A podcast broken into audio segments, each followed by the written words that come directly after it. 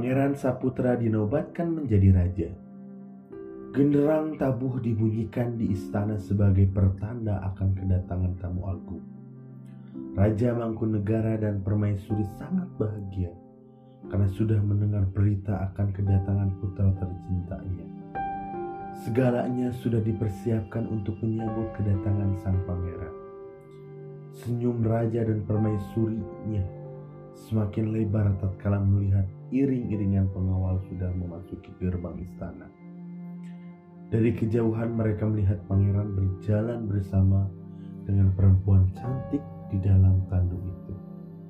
Setelah sang pangeran tiba di istana, segera ia berjalan sambil membimbing Kindursari menghadap ayah dan ibunya. Semua warga istana tidak terkecuali Putri Socowindu memandang mereka dengan perasaan terharu. Apalagi ketika melihat Kindursari, banyak orang berdecak mengagumi kecantikannya. Raja dan permaisuri menyambut putranya dengan pelukan yang sangat erat. Di situlah mereka melepaskan rindu. Setelah melepaskan pelukan, Pangeran Saputra mulai berbicara.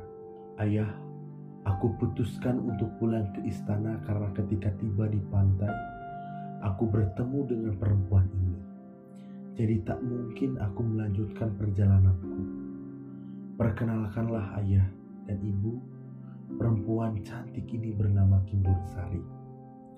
Ia adalah titisan dewa dan Dewi Kayangan. Kini ia hidup sebatang kara. Oleh karena itu, lalu ku ajak ia pulang ke istana ini. Aku mohon kepada ayah dan ibu untuk bisa menerima Kindursari. Raja Mangkunegara dan Permaisuri merasa kagum akan kecantikan Kindursari Lalu permaisuri berkata, Wahai Kindur Sari, mari mendekatlah kepadaku. Pantaslah wajahmu cantik rupawan. Ternyata kau keturunan dewa dan dewi kayangan. Kami mengizinkanmu untuk tinggal bersama kami selamanya. Maukah engkau kuanggap anak? Raja akan memberimu gelar Putri Kindur Sari. Lalu setelah berkata-kata, Permaisuri memegang lengan Kindursari dan memeluknya. Kindursari tampak terharu karena bisa diterima dengan baik dan bahkan diangkat menjadi putri kerajaan. Ia pun lalu mencium sang permaisuri dan memanggilnya dengan sebutan ibu. Lalu Putri Kindursari menghadap Raja Mangkunegara dan duduk di hadapannya sambil bertekuk lutut menyembahnya.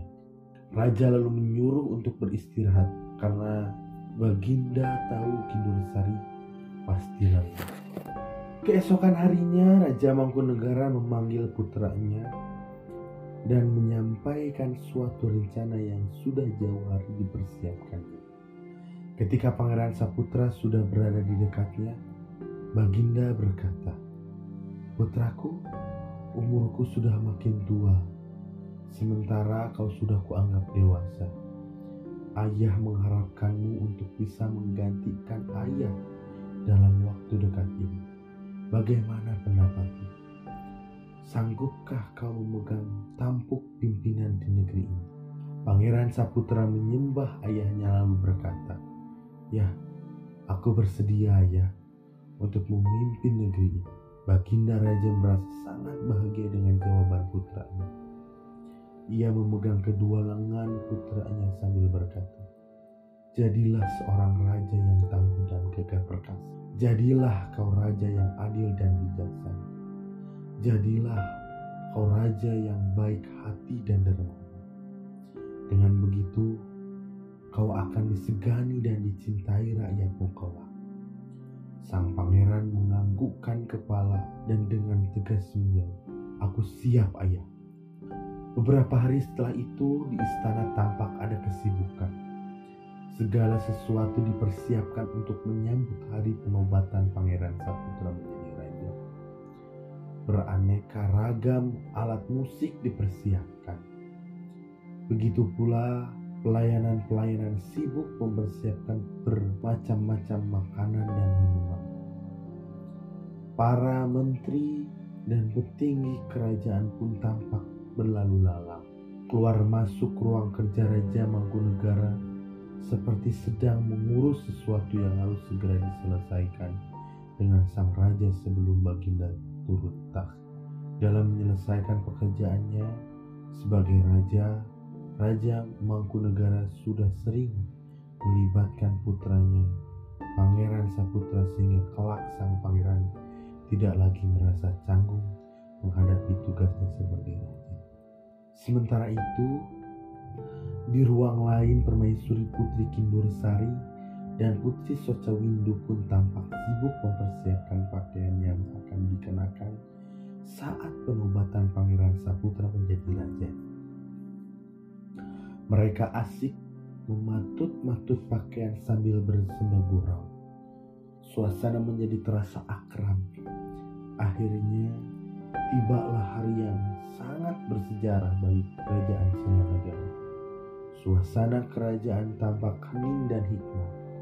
Raja Mangkunegara dan Permaisuri sudah berada di singgah sananya. Tak lama kemudian, masuklah Pangeran Saputra dan mengenakan baju kebesaran kerajaan. Ia berjalan perlahan menuju singgah sana ayahnya. Di belakang sang pangeran tampak Putri Kindursari dan Putri Socawindu mengiringinya. Setelah berada tepat di hadapan Raja Mangkunegara, Pangeran Saputra berlutut. Mangkunegara tersenyum bahagia lalu berkata, Putraku, hari ini engkau akan aku nobatkan menjadi Raja Sila Negara. Para petinggi kerajaan sudah berada di ruangan itu. Rakyat pun sudah berkerumun di pelantara istana. Setelah raja menyampaikan beberapa beberapa pesan baik kepada putranya maupun kepada seluruh rakyatnya. Ia berdiri di hadapan sang putra, lalu dilepaskannya mahkotanya dan dipasangkannya mahkota itu di kepala putranya. Semua yang hadir pun tampak terharu, bahkan ada yang sampai meneteskan air mata. Sang pangeran lalu berdiri di samping ayahnya. Mangkunegara berkata kepada petinggi kerajaan, Hai para menteri, para petinggi kerajaan, serta rakyatku, kini putraku resmi menjadi raja di Sila Negara. Ia mendapatkan gelar Raja Putri. Setelah itu Raja Putra keluar istana untuk menyapa rakyatnya dan kejauhan. Rakyat tampak senang. Mereka berteriak-teriak, "Hidup Raja Putra! Hidup Raja Putra!" Raja Putra lalu melambaikan tangan kepada mereka. Konon, menurut cerita Raja Putra, Raja Putra menjadi raja besar di Pulau Jawa. Wilayahnya, kekuasaannya sangat luas. Rakyatnya hidup lebih sejahtera. Diceritakan pula bahwa Raja Putra akhirnya menikah dengan Putri Kindursari dan mempunyai lima orang putra. Ya, terima kasih. Mungkin itu saja untuk bacaan cerita rakyat dari Jawa. Terima kasih kepada sobat-sobat cilik semuanya yang telah setia mendengarkan uh, buku cerita ya, yang telah dibacakan oleh saya. Sekali lagi saya ucapkan terima kasih. Jazakallahu khairan kasiro. Wassalamualaikum warahmatullahi wabarakatuh.